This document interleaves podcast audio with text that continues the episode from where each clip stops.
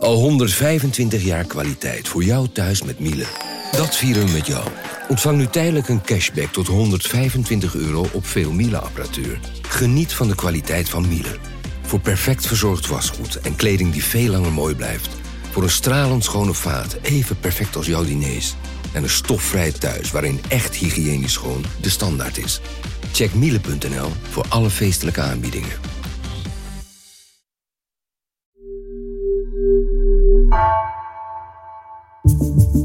Vanaf de redactie van NRC het verhaal van vandaag.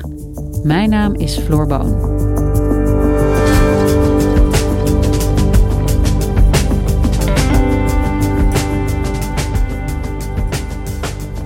Langs de hele frontlinie in Oekraïne wordt nog elke dag gevochten. Toch is lang niet iedereen gevlucht en wonen er nog meer dan 100.000 mensen in dorpen en steden die daar direct aan grenzen. Buitenlandredacteur Simone Peek bezocht de stad Nikopol. Hoe is het om te leven in een stad die permanent wordt beschoten?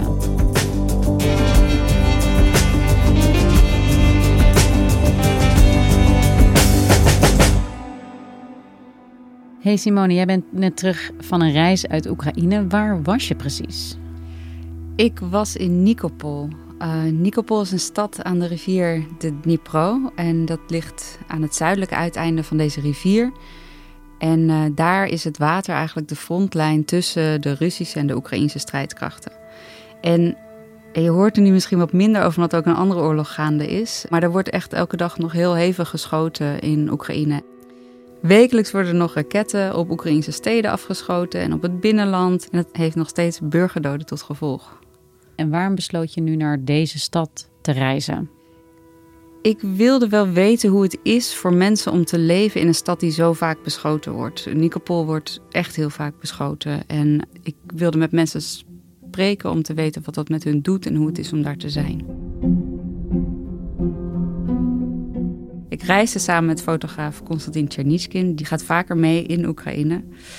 Net buiten de stad ging onze auto stuk. Dat was heel ongemakkelijk. Die viel de hele tijd uit. Die, die stopte gewoon met rijden. En toen heb ik gezegd: Wacht, we gaan even stoppen. Ik ga geen stad in die beschoten wordt met een auto die het niet doet. Dus toen um, moesten we daar langs de kant van de weg eigenlijk al wel binnen bereik van de Russische artillerie. En uh, ik wist ook bijvoorbeeld dat daar drones vliegen heel vaak daarboven. Moesten we met al onze spullen ineens langs de kant van de weg gaan zitten. Best wel griezelig. Het was wel een beetje spannend, dus we hadden dekking gezocht onder een boom, zodat die drones je dan ook uh, nou, misschien minder snel spotten. Omdat we er misschien wat raar uitzagen met zo'n hele grote bulk spullen. Maar gelukkig had ik binnen een uur een nieuwe chauffeur. Ook dankzij eh, de fotograaf. Die kende nog wel iemand. En diegene die was toevallig helemaal niks aan het doen. Dus ik kon heel hard naar ons toe rijden. En uh, met ons alsnog de stad ingaan. En hoe was het daar? Wat, wat zag je daar? Nou, zodra we binnenreden eigenlijk ging het luchtalarm af. Dus dat was meteen even spannend, want ik ben daar nog nooit geweest. Uh, dus dan ben je aan het oriënteren van, oké, okay, wacht, vanaf waar kan er geschoten worden? Wat is er aan de hand? Um, toen heb ik tegen de chauffeur gezegd van ga maar even achter een flatgebouw staan. Zodat er een flatgebouw tussen jou en de Russische artillerie staat in elk geval. En toen bleek dat niet bij ons in de buurt iets aan de hand was. Toen uh, zijn we weer uh, een beetje rond gaan rijden totdat we wat mensen troffen. En toen kwamen we bij een klein terrasje van drie tafeltjes. En aan één tafel zaten drie mensen en die hadden biertjes voor zich staan. En ik kwam daar met een scherfvest en met een helmpje op. En toen begon ik natuurlijk vragen te stellen over hoe is het om in deze stad te wonen. En toen zei er een, ben jij soms een spion? Spion, spion of. Spion of. En toen begon die ander te lachen van, ja hoor, een spion met een helmpje op. Toen zei ik, nee, nee, nee, ik ben journalist. Nou ja, die vond het eigenlijk maar belachelijk dat ik me zo had uitgedost om die stad in te komen. Dus heb ik ook mijn helm ook natuurlijk toch maar afgedaan om ook toch wat connectie te maken met die mensen, omdat zij zich daar ook veilig voelden. En zo wonen er nog 50.000 mensen in deze stad op een vooroorlogse bevolking van 106.000. Dus ongeveer de helft van de inwoners is daar nog of weer. En dit is de situatie langs het hele front. Bij Gerson, in Donetsk, in Luhansk. Overal wonen nog steeds gewoon burgers in de meest penibele situaties... die steeds meer gewend zijn geraakt aan de oorlogssituatie.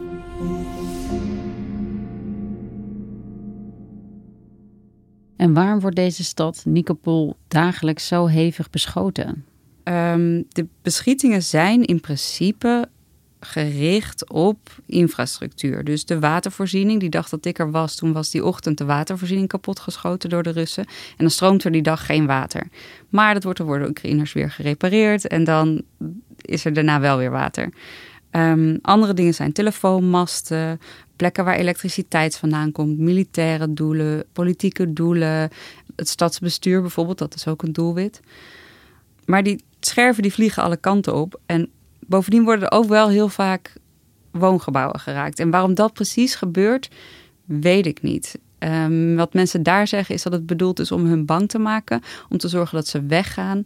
Want een lege stad, die zou misschien wel makkelijker in te nemen zijn. Maar is dat niet ook wat, er, wat de Russen willen hè, met die beschietingen, dat ze die stad willen innemen? Op dit moment is er geen offensief op Nikopol, want de Russen zitten echt aan de overkant van de rivier. Het is gewoon schieten, er wordt de hele tijd geschoten. Het lijkt een beetje nodeloos, zinloos, maar het gebeurt wel echt elke dag. En een van de mannen op het terras, Igor, die vertelde dat de stad op vaste tijden beschoten wordt.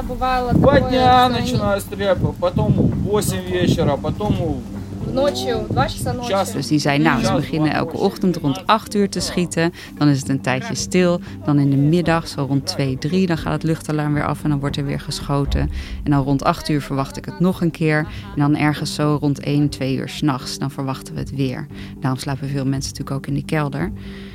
En um, de lokale militaire autoriteiten die bevestigen dit schema niet. Die zeggen onze vijand die werkt niet volgens schema. En die waarschuwen ook van het kan ook echt buiten die tijdvlakken gebeuren dat de stad beschoten wordt. Maar als je de luchtalarmmeldingen bekijkt, dan klopt het wel wat, wat Igor zegt. Rond die tijd gaat iedere keer het luchtalarm af. Nou, dat is wel heel opmerkelijk. Waarom is dat zo? Waarom zijn er dit soort specifieke tijden voor beschietingen? Dat weet ik niet. Ik heb natuurlijk de Russen wel geschreven. Waarom beschieten jullie die stad en doen jullie dat volgens een schema? Maar daar heb ik geen reactie op gekregen. Aan de Oekraïnse zijde zijn theorieën hierover. Bijvoorbeeld, eh, ze doen het net bij de wissel van de wacht. Of ze hebben een bepaald aantal granaten dat ze tijdens één uh, dienst mogen opgebruiken. En uh, dat doen ze dan als ze hem niet eerder nodig hebben gehad aan het eind van de dienst of juist aan het begin van de dienst. Of misschien worden ze op een gegeven moment dronken en dan hebben ze zin om te gaan schieten. Ik heb soms ook het idee dat, dat de Russen schieten zodat ze aan het eind van de dag iets in hun, in hun logboek kunnen zetten. Van nou, vandaag hebben we de watervoorziening uitgeschakeld. Weet je wel, we hebben goed gescoord. En allerlei dat soort theorieën die mensen hebben, maar nou ja, wat het echt is, dat laat zich raden. En om te proberen me er een beetje een voorstelling van te maken, om wat voor soort beschietingen gaat het? Het zijn artilleriebeschietingen. Dus het gebeurt met granaten. Die hebben zo'n diameter van 12 centimeter of zo, zo'n een halve meter lang. Zo'n inslag is zo'n meter breed of zo. En daarnaast zie je dan altijd van die soort van spetters. Het is dus niet heel groot, maar er komen allemaal scherven vanaf die in de rondte vliegen, die heel erg veel uh, schade kunnen aanrichten aan mensen of dieren die daar in de omgeving zijn. Ja, want vallen er ook slachtoffers? Ja, er zijn sinds, nou ja, sinds de beschieting op Nikopol begonnen, ik geloof vorige zomer, zijn er 27 dodelijke slachtoffers gevallen en 182 gewonden. En ja, bij gewonden moet je natuurlijk aan alle categorieën denken, dus het kan ook uh, behoorlijk ernstig zijn. En dit gaat over de Russen, die beschieten. Schieten de Oekraïners ook terug? Ja, er zijn wel uh, berichten van dat de Oekraïners ook terugschieten. Dus um, vanuit waar dat gebeurt, weet ik niet. Want je mag niet bij de waterkant komen. Dus je mag niet daar aan de kade gaan staan. En Simone, je zei net dat er nog zo'n 50.000 mensen in deze stad wonen. Het zijn ontzettend veel mensen. Hoe is dat voor die mensen? Hoe is het om te leven in een stad die permanent wordt beschoten? Ja, hoe het echt is om daar te leven, dat weet ik niet. Maar mensen die wennen wel aan de gevechten. Ik sprak ook met Tamara Georgievna. Uh, dat is een oude vrouw van 88 en haar huis was een week eerder geraakt in beschietingen. Ja, Simone я А мене Тамара Георгівна, це 88 років. Це треба таке на, на старості. Ми ж тут... Die hele straat was geraakt. De daken waren ervan afgevlogen en bij haar waren de muren doorgeblazen. Dus haar hele binnenplaats lag vol met uh, puin. En dat waren ze toen ik daar was weer aan het opruimen. En haar zoon was daar om te helpen metselen. En uh, er waren al hulpverleners langs geweest om de daken van plastic folie te voorzien. En ik vroeg, waarom ben je nu toch weer aan het bouwen? Want voor hetzelfde geld wordt dit zo weer allemaal opgeblazen.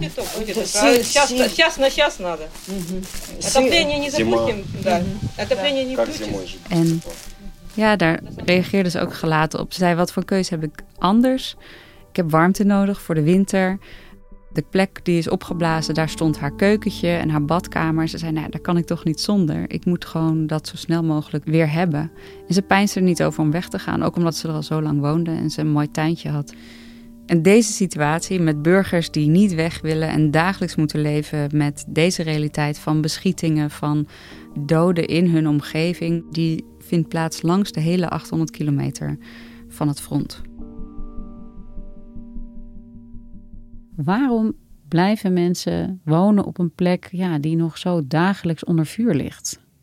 Ja, dat vroeg ik me dus af en dat heb ik aan hen gevraagd. En um, ik heb verschillende redenen gehoord.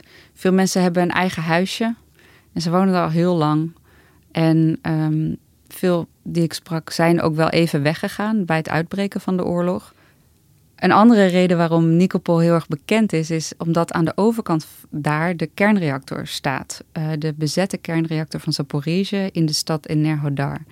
En toen die bezet werd en er heel veel onzekerheid was over of die kernreactor of die energiefabriek niet kon ontploffen en een gigantische kernramp kon uh, veroorzaken. Toen zijn dus ook heel veel mensen weggetrokken.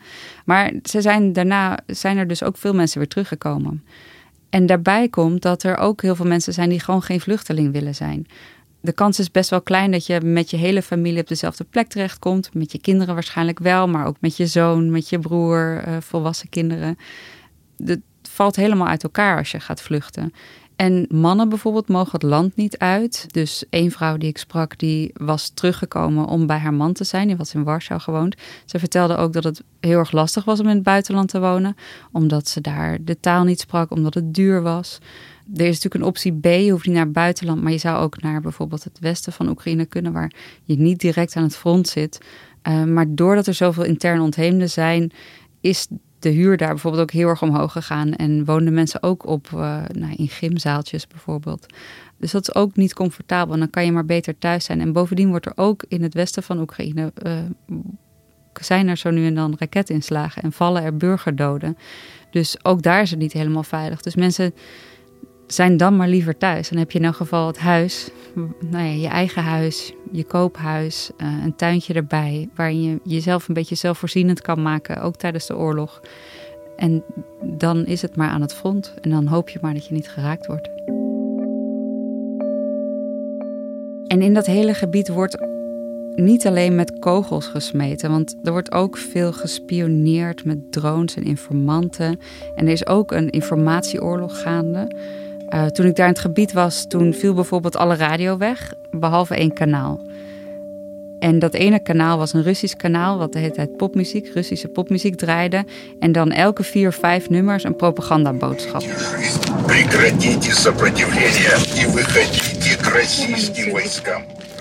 Die zei tegen militairen, Oekraïnse militairen, van geef je over, geef je op. Iedere seconde kun je gedood worden. Red je leven. Steek over naar de zijde van het goede en het rechtvaardige.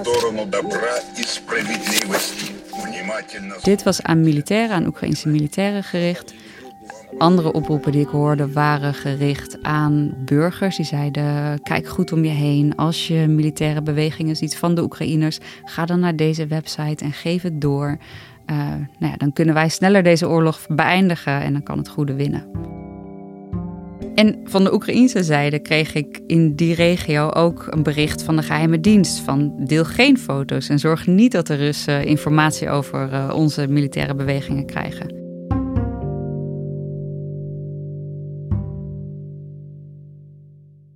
En Simone, als we even een stapje terug doen van Nikopol en even kijken naar Oekraïne en de situatie daar op dit moment. Hoe gaat het met de oorlog?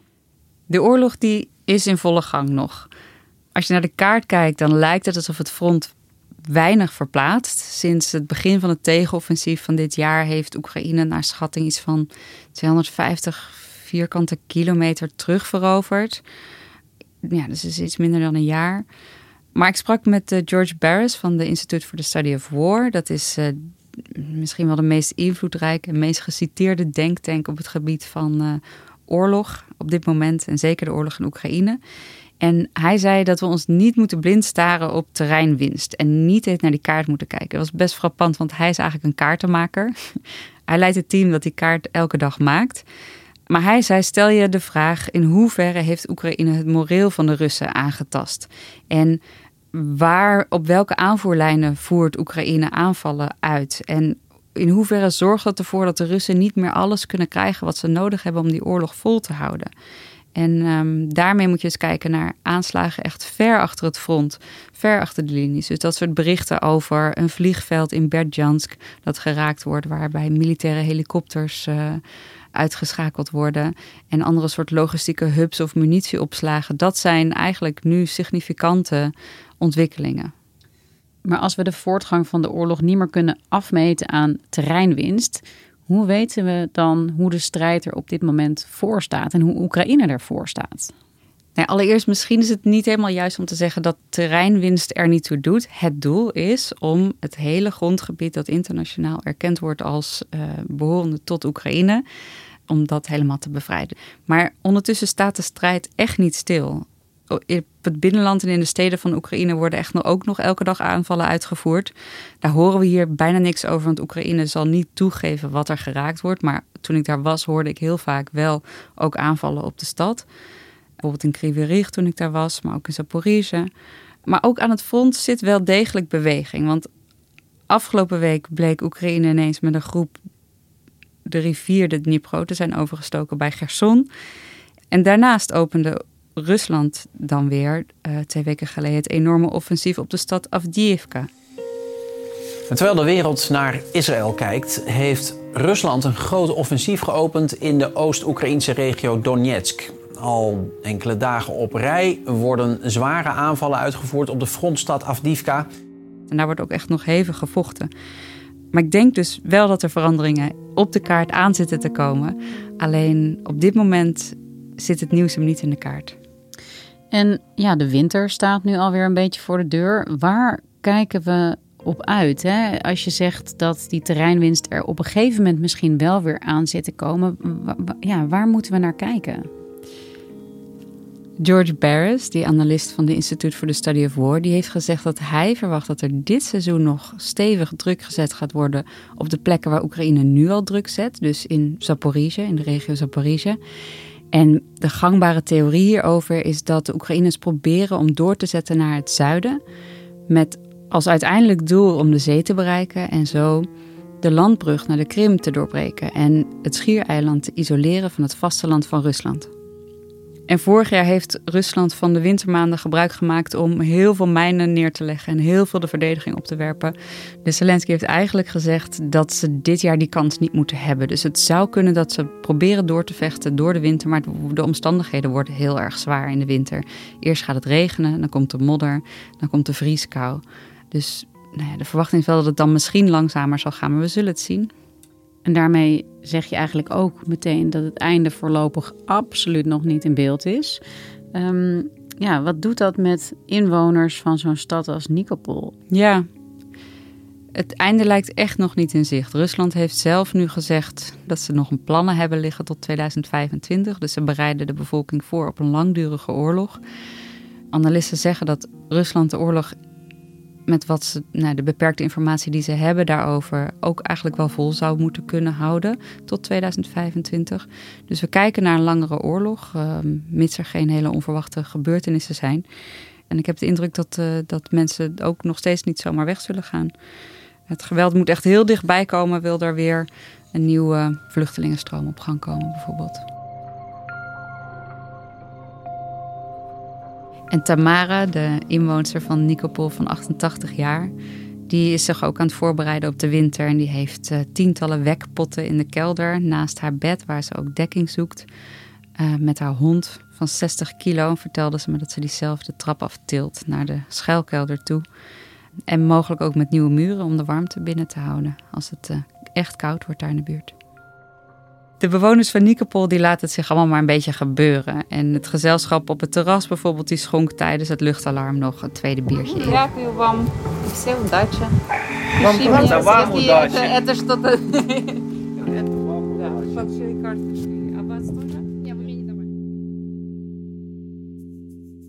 Dankjewel, Simone. Graag gedaan.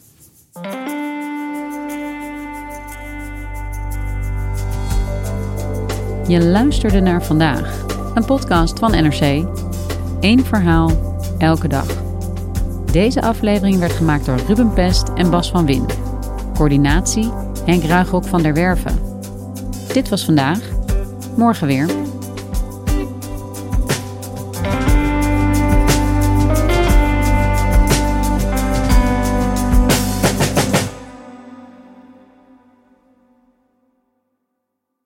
Technologie lijkt tegenwoordig het antwoord op iedere uitdaging. Bij PwC zien we dit anders. Als we de potentie van technologie willen benutten, kunnen we niet zonder een menselijk perspectief. Human-led, tech-powered noemen we dat. Ga naar pwc.nl.